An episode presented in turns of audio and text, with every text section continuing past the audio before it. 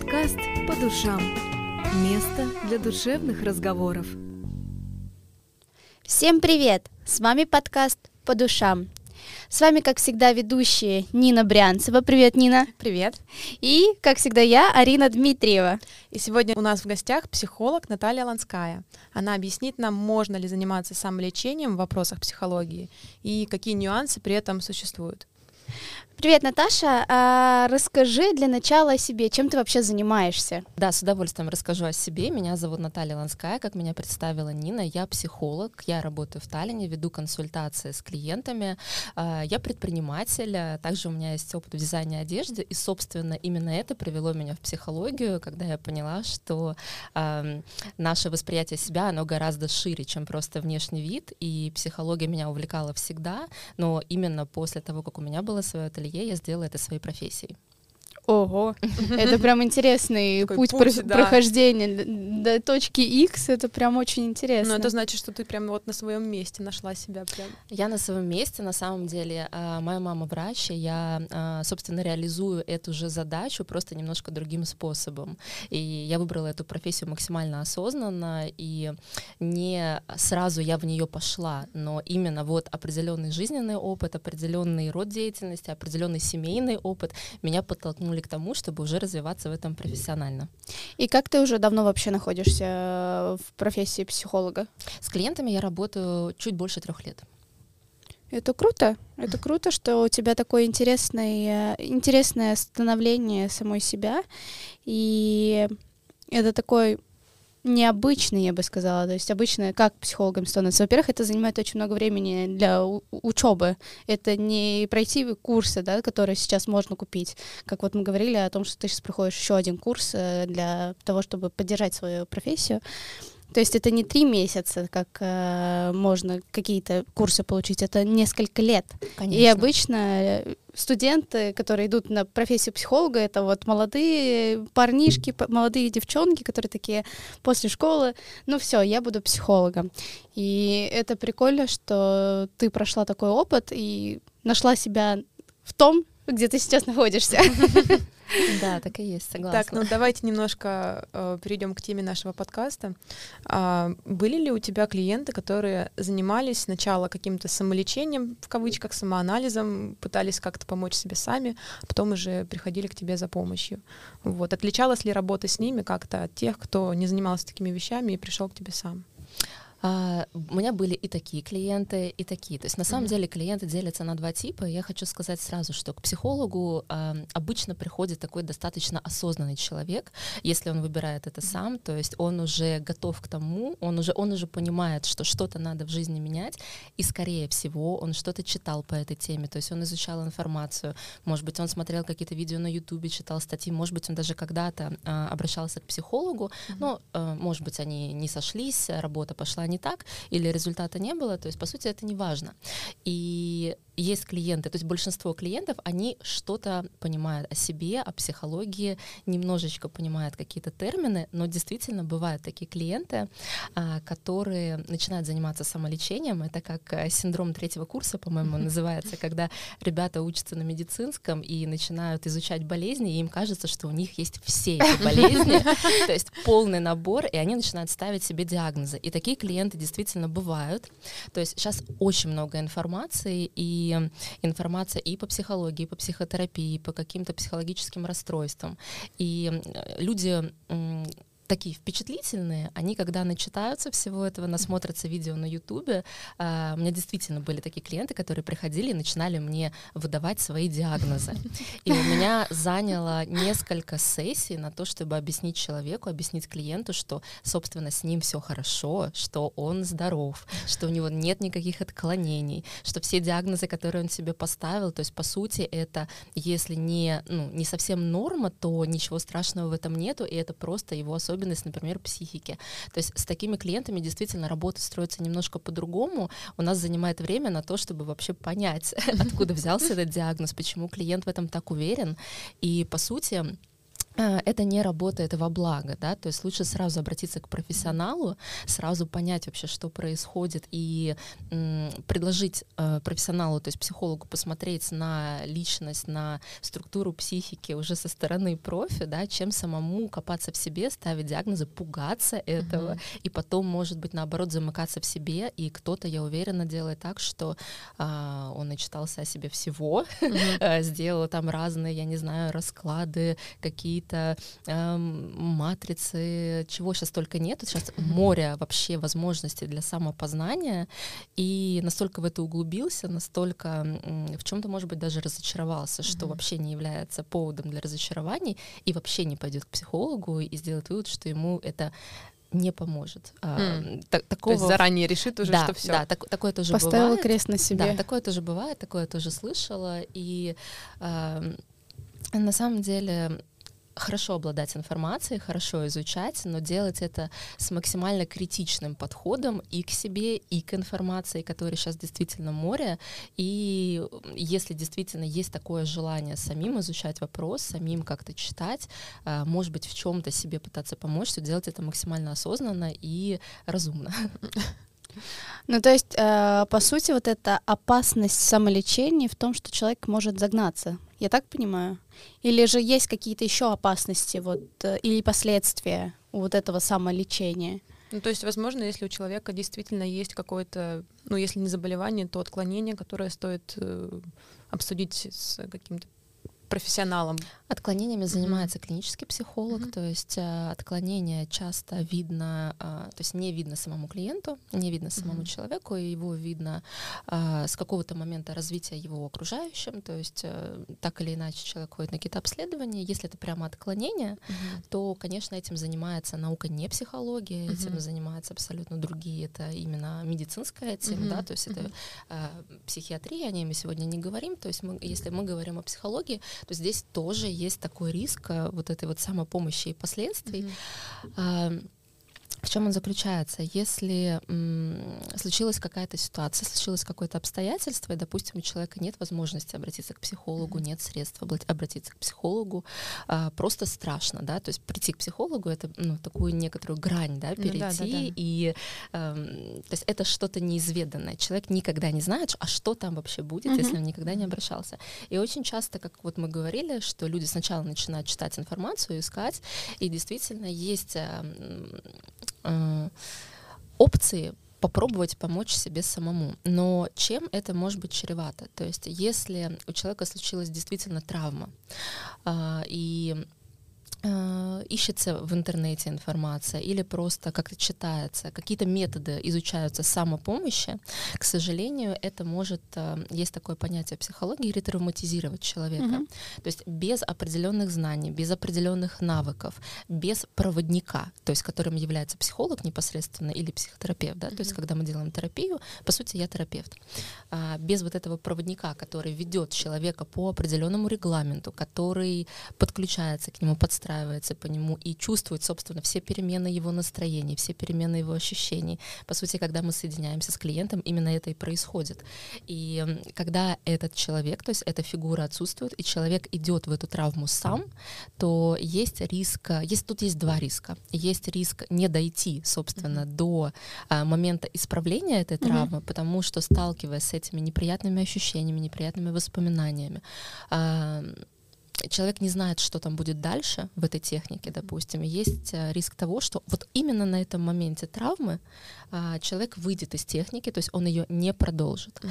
И второй риск, э, он, соответственно, вырастает из первого, это ретравматизация, то есть когда а, человек сталкивается с травмой, он не просто в силу того, что он не специалист, да, хотя, может быть, регламент и написан, но при первом опыте, да даже при десятом самой работы человек не совсем понимает, какие еще рычаги использовать, чтобы человека из этого вывести в ресурсное mm-hmm. состояние, да, то есть он сам не может контролировать процесс, если он в этом находится. Mm-hmm. И то есть травма, она еще больше якорится, то есть человек начинает вспоминать только эту травму, не обладая ресурсными техниками, не обладая вот этой вот возможностью тонко чувствования, что происходит, а, он начинает просто еще, еще, еще больше об этом думать, то есть, собственно, вспоминая в этой технике только вот это травматичное событие.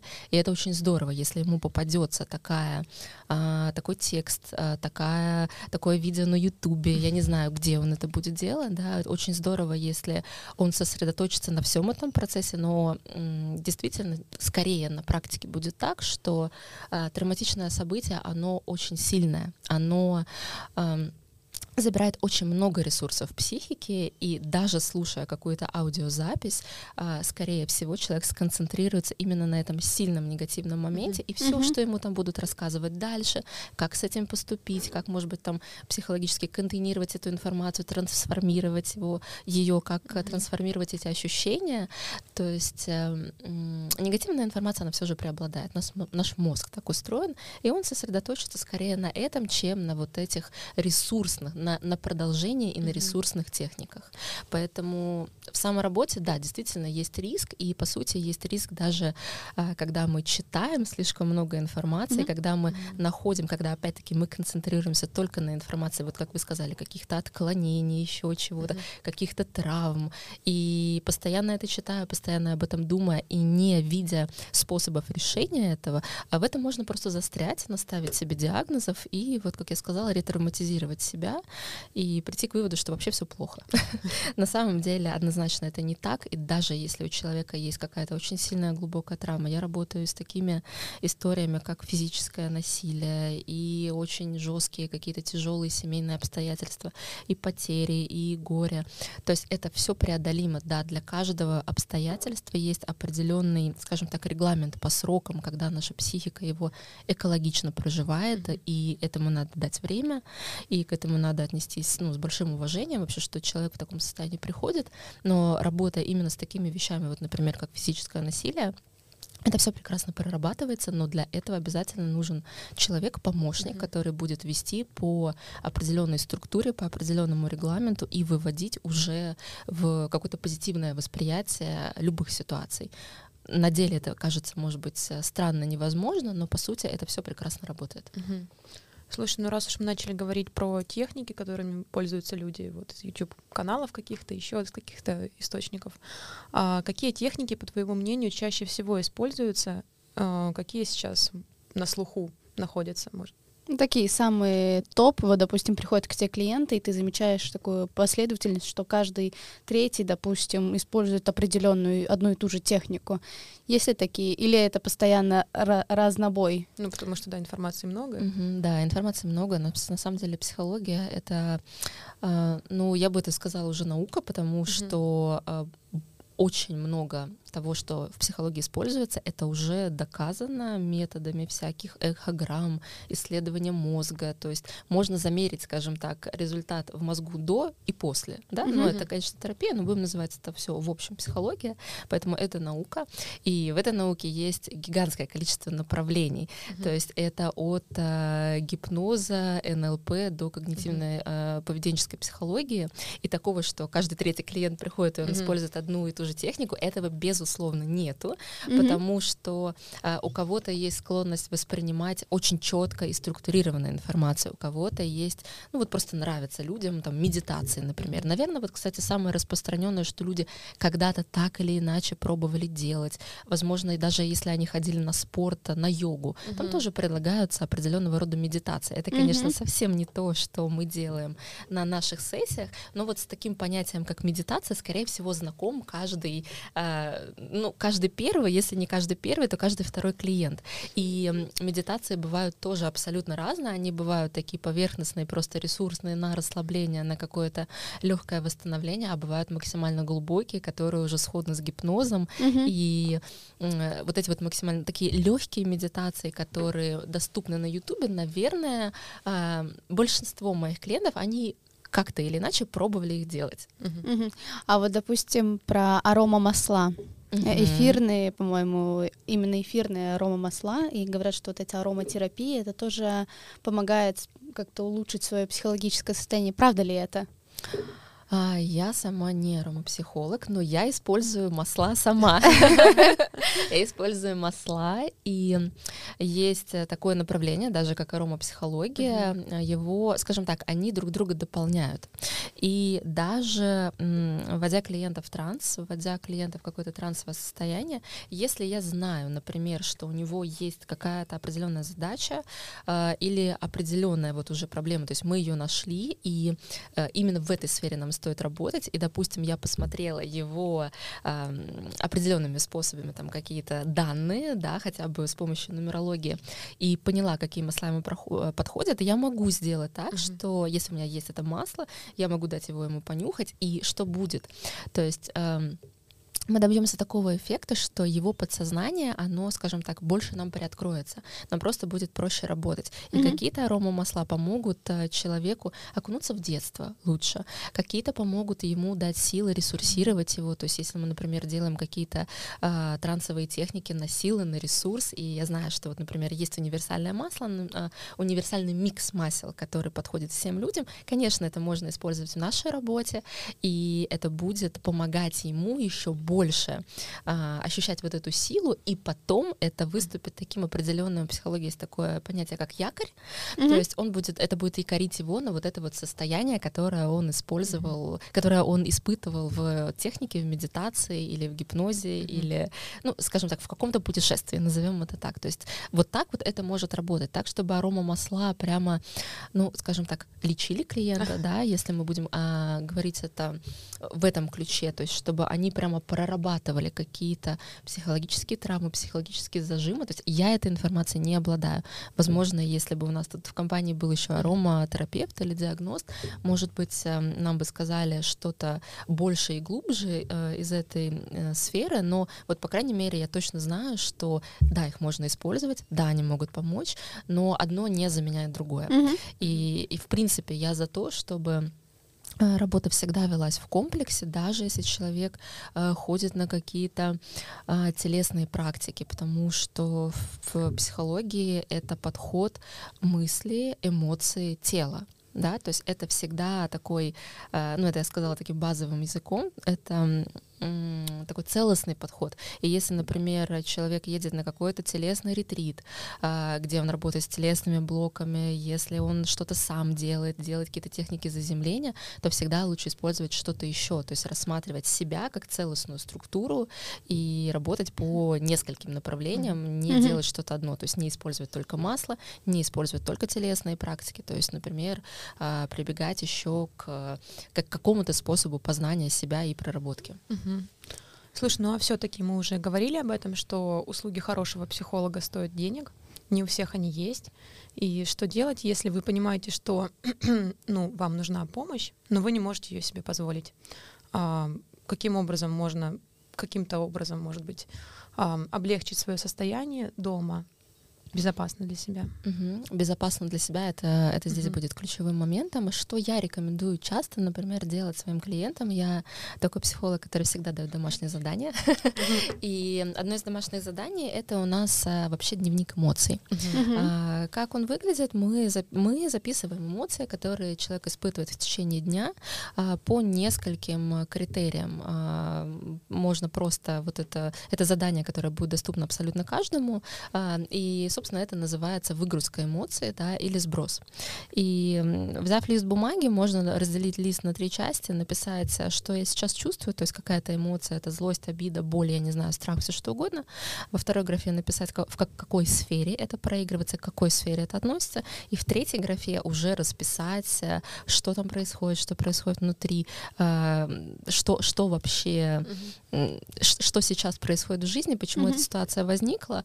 И большинство клиентов клиентов, когда они делают эту технику раз, два, три, пять, они говорят, что, собственно, эта эмоция, она их может уже не тревожить. То есть это такой быстрый, очень э, хороший способ выгрузить все, что есть у нас внутри, а, и проследить свои телесные какие-то переживания и мысли, и выгрузить это на бумагу.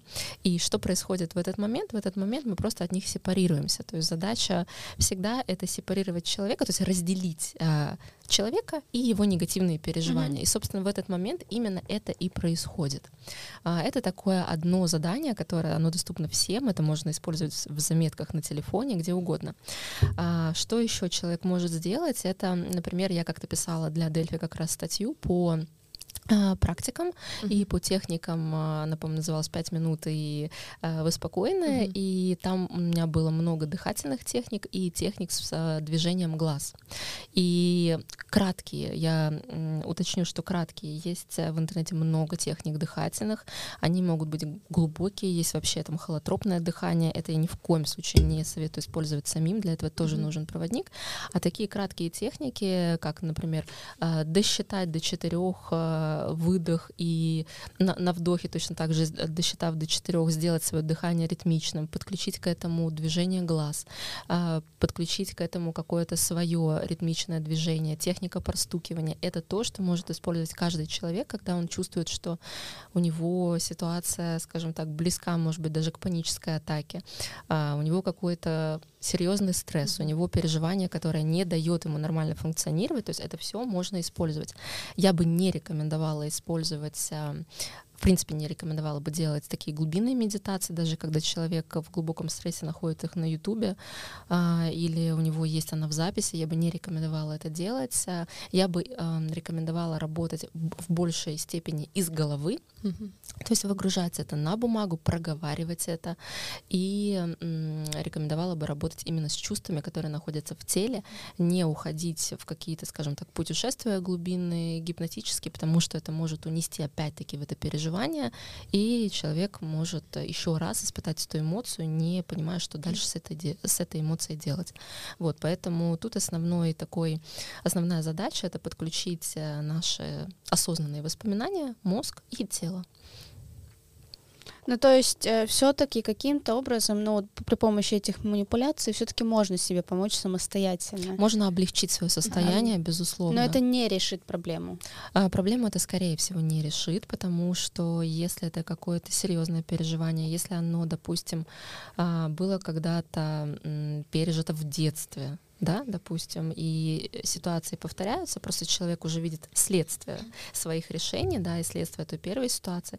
Проблему это, конечно же, не решит, потому что такие глубинные потрясения, глубинные травмы, они у нас, в принципе, записываются и в теле, и в наших нейронных связях, и после того, как мы принимаем какое-то решение э, в этой травме, в этой проблеме, да, неважно, что там произошло, то есть мы начинаем определенным образом действовать. Mm-hmm. То есть фактически это уже переходит переходит на уровень, на уровень действий.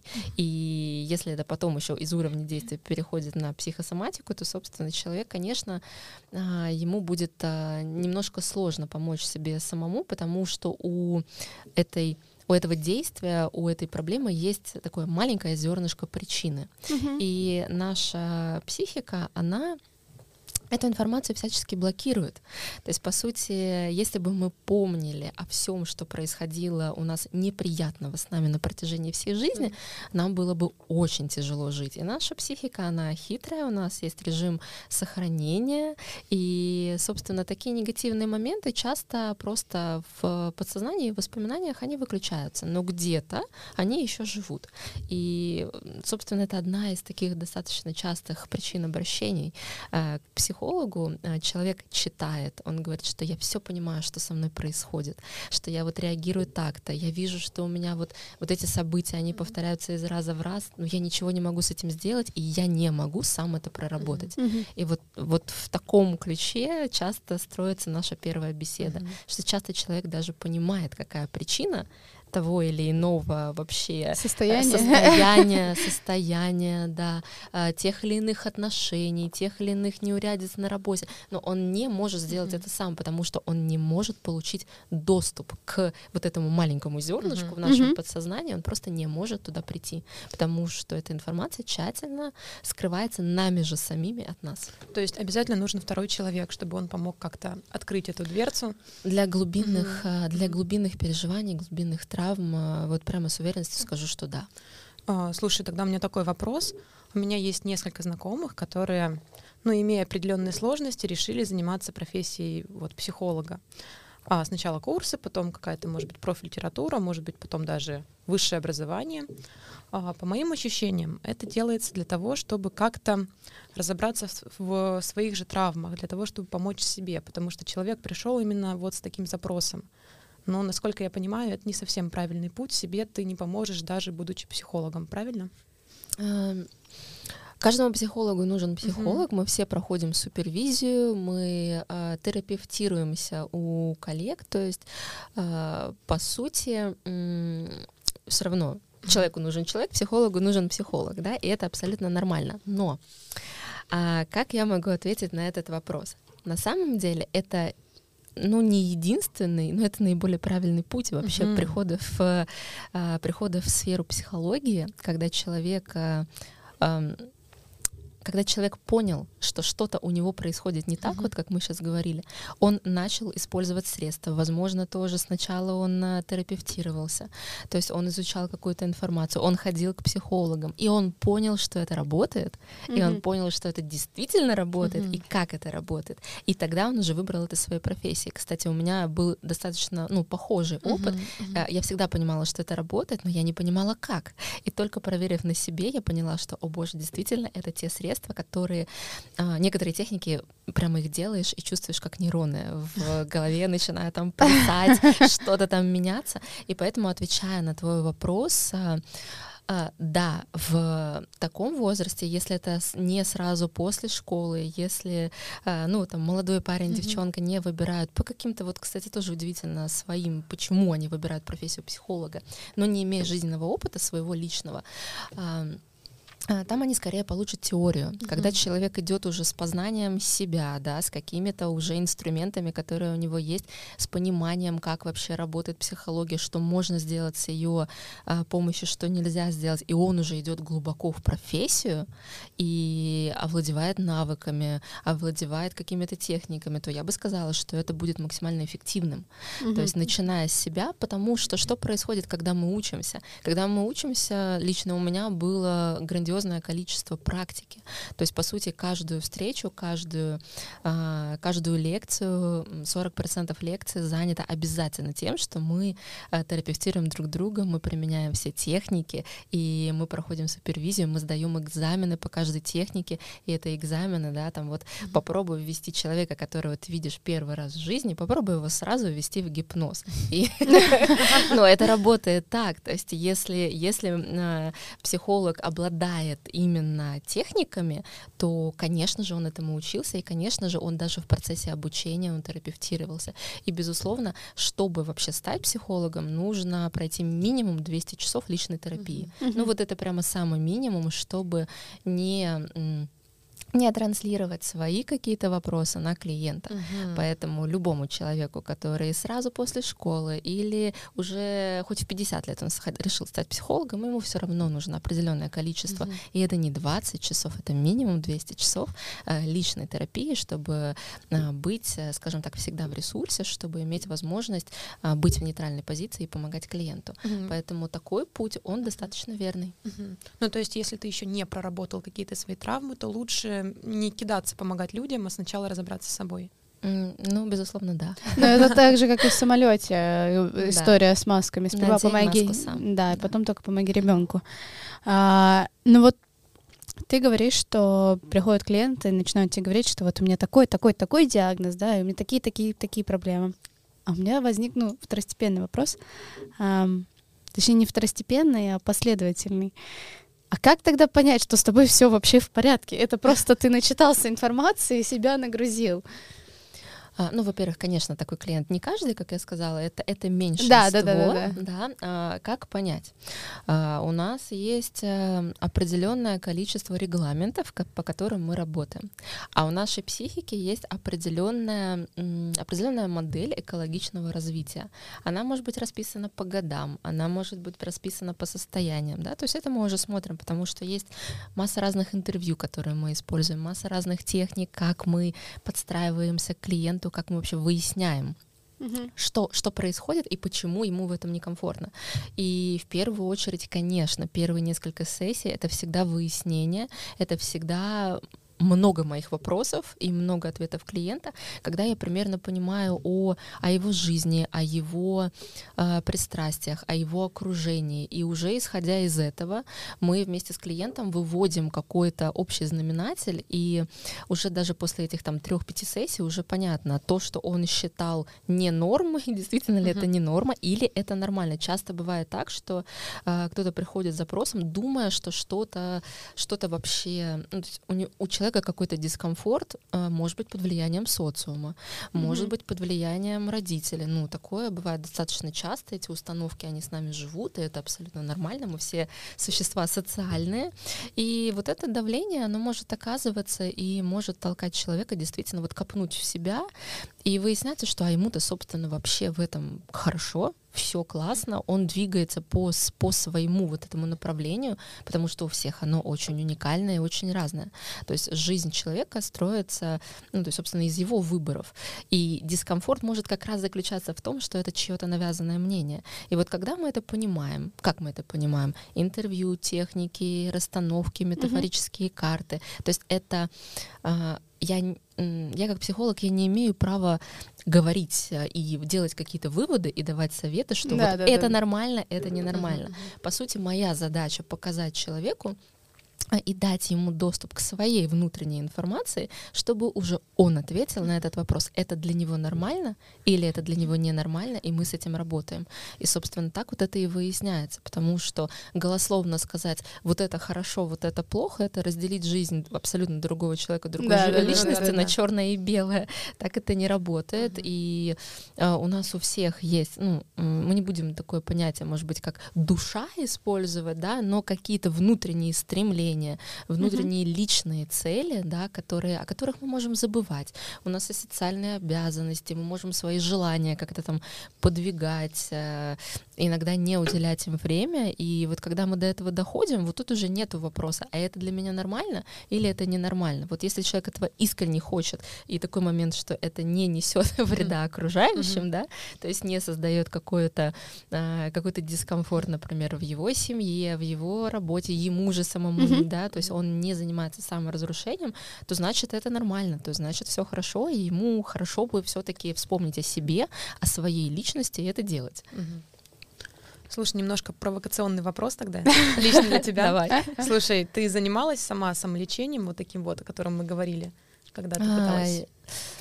Самоли... Э, самолечением. У меня был а, некоторый опыт. А, я уже была а, опытным достаточно mm-hmm. специалистом. Но я вот, кстати, поделюсь как раз тем, что не надо делать и, может быть, почему не надо выбирать. Mm-hmm. Именно почему, да, почему не надо выбирать какие-то глубинные техники на том же Ютубе. То есть а, я пошла туда, у меня уже, естественно, был навык работы над собой, работы с психологом. То есть у меня уже было определенное количество техник в арсенале. То есть я понимала, как строится вот это вот глубинное погружение и как себя из него, соответственно, достать, как себе дать э, ресурсы и так далее. И я нашла очень глубокую медитацию. Э, ну, скажем так, это, это гипноз, э, просто он называется медитация. Часто гипнозы и разные другие техники, они называются медитациями на Ютубе. И, а вот это интересненький да, факт. Да, да. Будьте осторожны. Будьте, будьте осторожны, действительно. И я решила сделать эту технику, потому что, ну вот мне она нужна была здесь и сейчас, а опять-таки для того, чтобы себя туда ввести, нужен проводник, и это хотя бы голос, да, mm-hmm. то есть хотя бы какой-то сторонний голос. Mm-hmm. И даже психологу надо его слышать, чтобы вот идти по этому mm-hmm. пути. И, собственно, что произошло? Она была действительно, эта техника очень глубокая, очень классно простроенная. А, и когда мы дошли до момента, когда нужно было поднять свои страхи, да, mm-hmm. то есть которые локализованы еще в теле, а это уже такая, скажем так, двойная нагрузка, да, то есть здесь еще и тело подключается, а не просто воспоминания. А, техника закончилась. А. И по сути, и, а, хорошо, что я знала, что с этим делать, но даже мне было максимально некомфортно. То есть я понимала, что я сейчас нахожусь вот один на один с этим страхом, я смотрю на него в лицо, можно сказать, ему в лицо, да, ему в глаза, и мне надо себя как-то из этого выводить.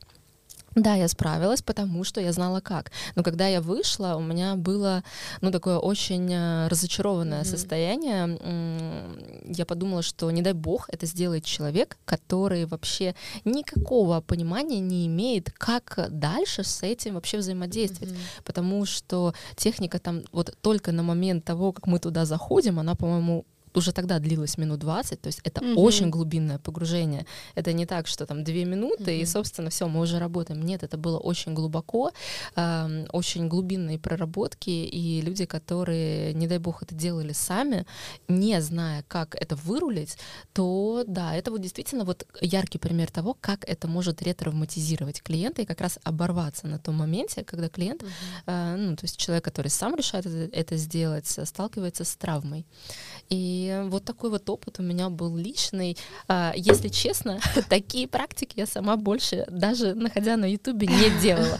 У меня есть ряд а, записанных техник моим же голосом, а, ряд техник от моих коллег, которыми мы обмениваемся. То есть я уже использую их, они проверенные, все здорово. Если мне нужно в моменте здесь и сейчас что-то сделать, я либо использую какие-то вот такие когнитивные, ну то есть выгрузку из ума, что-то записывая, как-то размыливая эту ситуацию и ища понимание понимание, но больше не экспериментирую. Страшные вещи какие-то рассказываешь на самом деле. Неприятные, действительно. Это, это было даже для меня уже, для специалиста уже на тот момент, э, это было, ну сколько-то там, 4, по-моему, года назад, уже начавшего практиковать. То есть даже для меня это было очень неприятно. Ну да, просто сейчас я нахожусь, ну, в шоке от той информации, которую я получила, потому что казалось всегда на медитации это что-то очень такое хорошенькое, спокойненькое, ты можешь дома сесть, расслабиться. А оказывается, что к этим медитациям, которые являются на самом деле гипнозом, надо относиться очень-очень осторожно. Но нужно понимать, что из этого медитация легкая, которая вот э, после того, как вы сделали какие-то упражнения, да, вот да, вы да, лежите, да, да. и у вас там да. состояние покоя. И вот медитации, которые глубинные. Конечно. Разные вещи. Да, да, да. Просто, ну, скажем так, э, психология сейчас это такое становится, да, популяризированным направлением, то есть это интересно, это на слуху, и информации море, да, информации море, и даже когда ко мне приходят клиенты, я говорю слово гипноз, uh-huh. э, это устрашает, и у меня, ну, то есть это нормально, меня uh-huh. это когда-то тоже устрашало, и у меня идет время, чтобы объяснить человеку, что с ним будет происходить, как это будет выглядеть, то есть это такая есть вещь демистификация мистификация, да, то есть сказать, что он там не будет летать, он не будет в воздухе, да, что он не будет левитировать, что он полностью контролирует процесс, но по сути, а, да, я буду вводить его в трансовое состояние. И медитация, она, безусловно, является тем же трансовым состоянием. Что такое транс? Это состояние измененного сознания, да, когда мы не находимся полностью здесь и сейчас, то есть мы не думаем о каких-то а, таких четких базовых вещах, то есть мы поднимаем какие-то воспоминания, сознание, то есть мы делаем какое-то ну, какое-то действие э, в наших фантазиях или э, по сути, по сути, что происходит? Мы в трансе, даже когда мы просто стоим 10 минут моем посуду, это тоже трансовое состояние. А, просто в обычной жизни мы этого не знаем. И очень часто, кстати, после работы с подсознанием у меня клиенты пишут, да я, говорит, что-то там мыло, убирала, и тут меня осенило, мне пришло вот какое-то воспоминание. И я не удивляюсь, потому что действительно человек был в таком легком, легком трансе трансе. А если мы говорим о медитациях, то а, трансы, гипнозы сейчас часто называются медитациями. Гипнозы строятся по определенному регламенту, медитации тоже, и они очень похожи.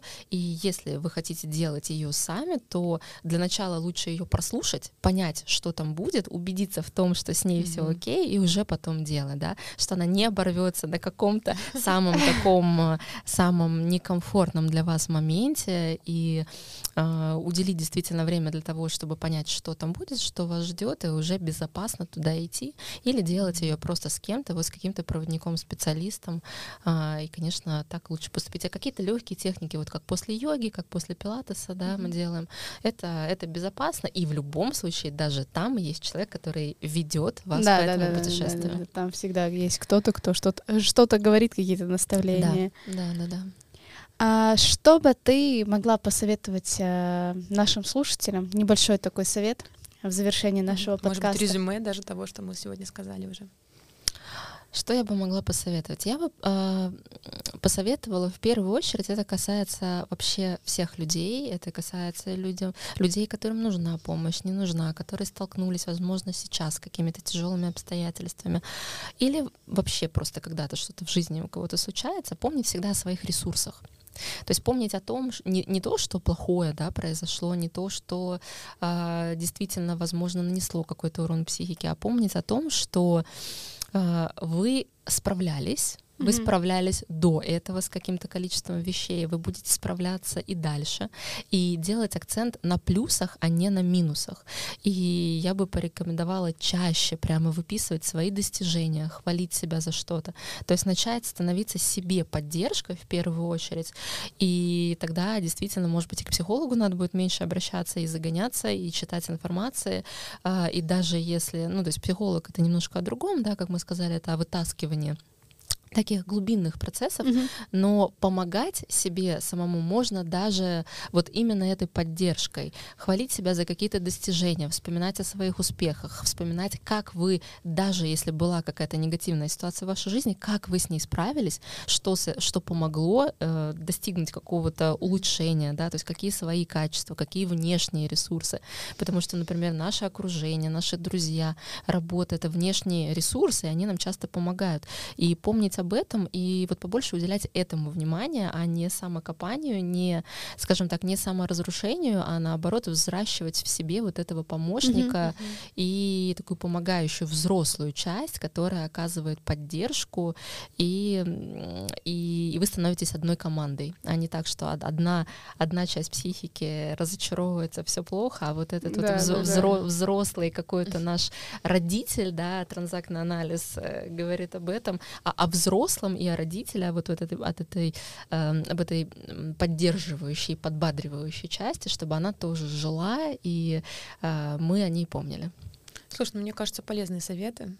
Да, мне кажется, вообще в целом получился очень полезный подкаст для нас, для наших слушателей, потому что я для себя очень много всего вынесла и много всего открыла. Как бы у меня сейчас немного картина... Переоценка YouTube, да, происходит? Да, да, да, да, да, да, да. Потому что YouTube, конечно, сейчас переполнен, да, опять же, информацией, и можно... Ну, не только YouTube, вообще, в принципе, вообще в целом, наш да. мир. Ну, и на YouTube, как мы начали, а, есть очень много полезного, действительно uh-huh. классной, бесплатной информации, которая в доступе для людей, которые, может быть, не имеют возможности обратиться к психологу прямо сейчас. А, информации море, но вот главное, главный такой аспект, на котором я сделала, а, сделала акцент, это критично, максимально критично относиться к этой информации и не брать, не принимать все как э, чистую монету, потому что эм, человек, который читает лекцию на Ютубе или дает какую-то технику, он не знает вашей истории. Угу. Поэтому я всегда за индивидуальный подход. Отлично. Спасибо, Наташа, за такой прекрасный, полезный подкаст. Да, сегодня Благодарю мы... за приглашение. В следующий раз мы позовем тебя, будешь нас водить гипноз прям в подкасте. Да, прям 40 минут будем сидеть, гипнотизироваться. Только если мы э, не включим эту запись в общий доступ, потому что я же не знаю, остальные-то люди из него выйдут или нет. Ну да, мы-то выйдем. Мы-то здесь все выйдем, конечно. Да, напомню, сегодня мы говорили о том, можно ли заниматься самолечением в психологии. Если можно, то как? Как себе не навредить? Да, с вами, как всегда, был подкаст «По душам», место для душевных разговоров, ведущие Нина Брянцева. Всем пока. Арина Дмитриева и наша гостья Наталья. Всем спасибо, всем пока. Подкаст «По душам». Место для душевных разговоров.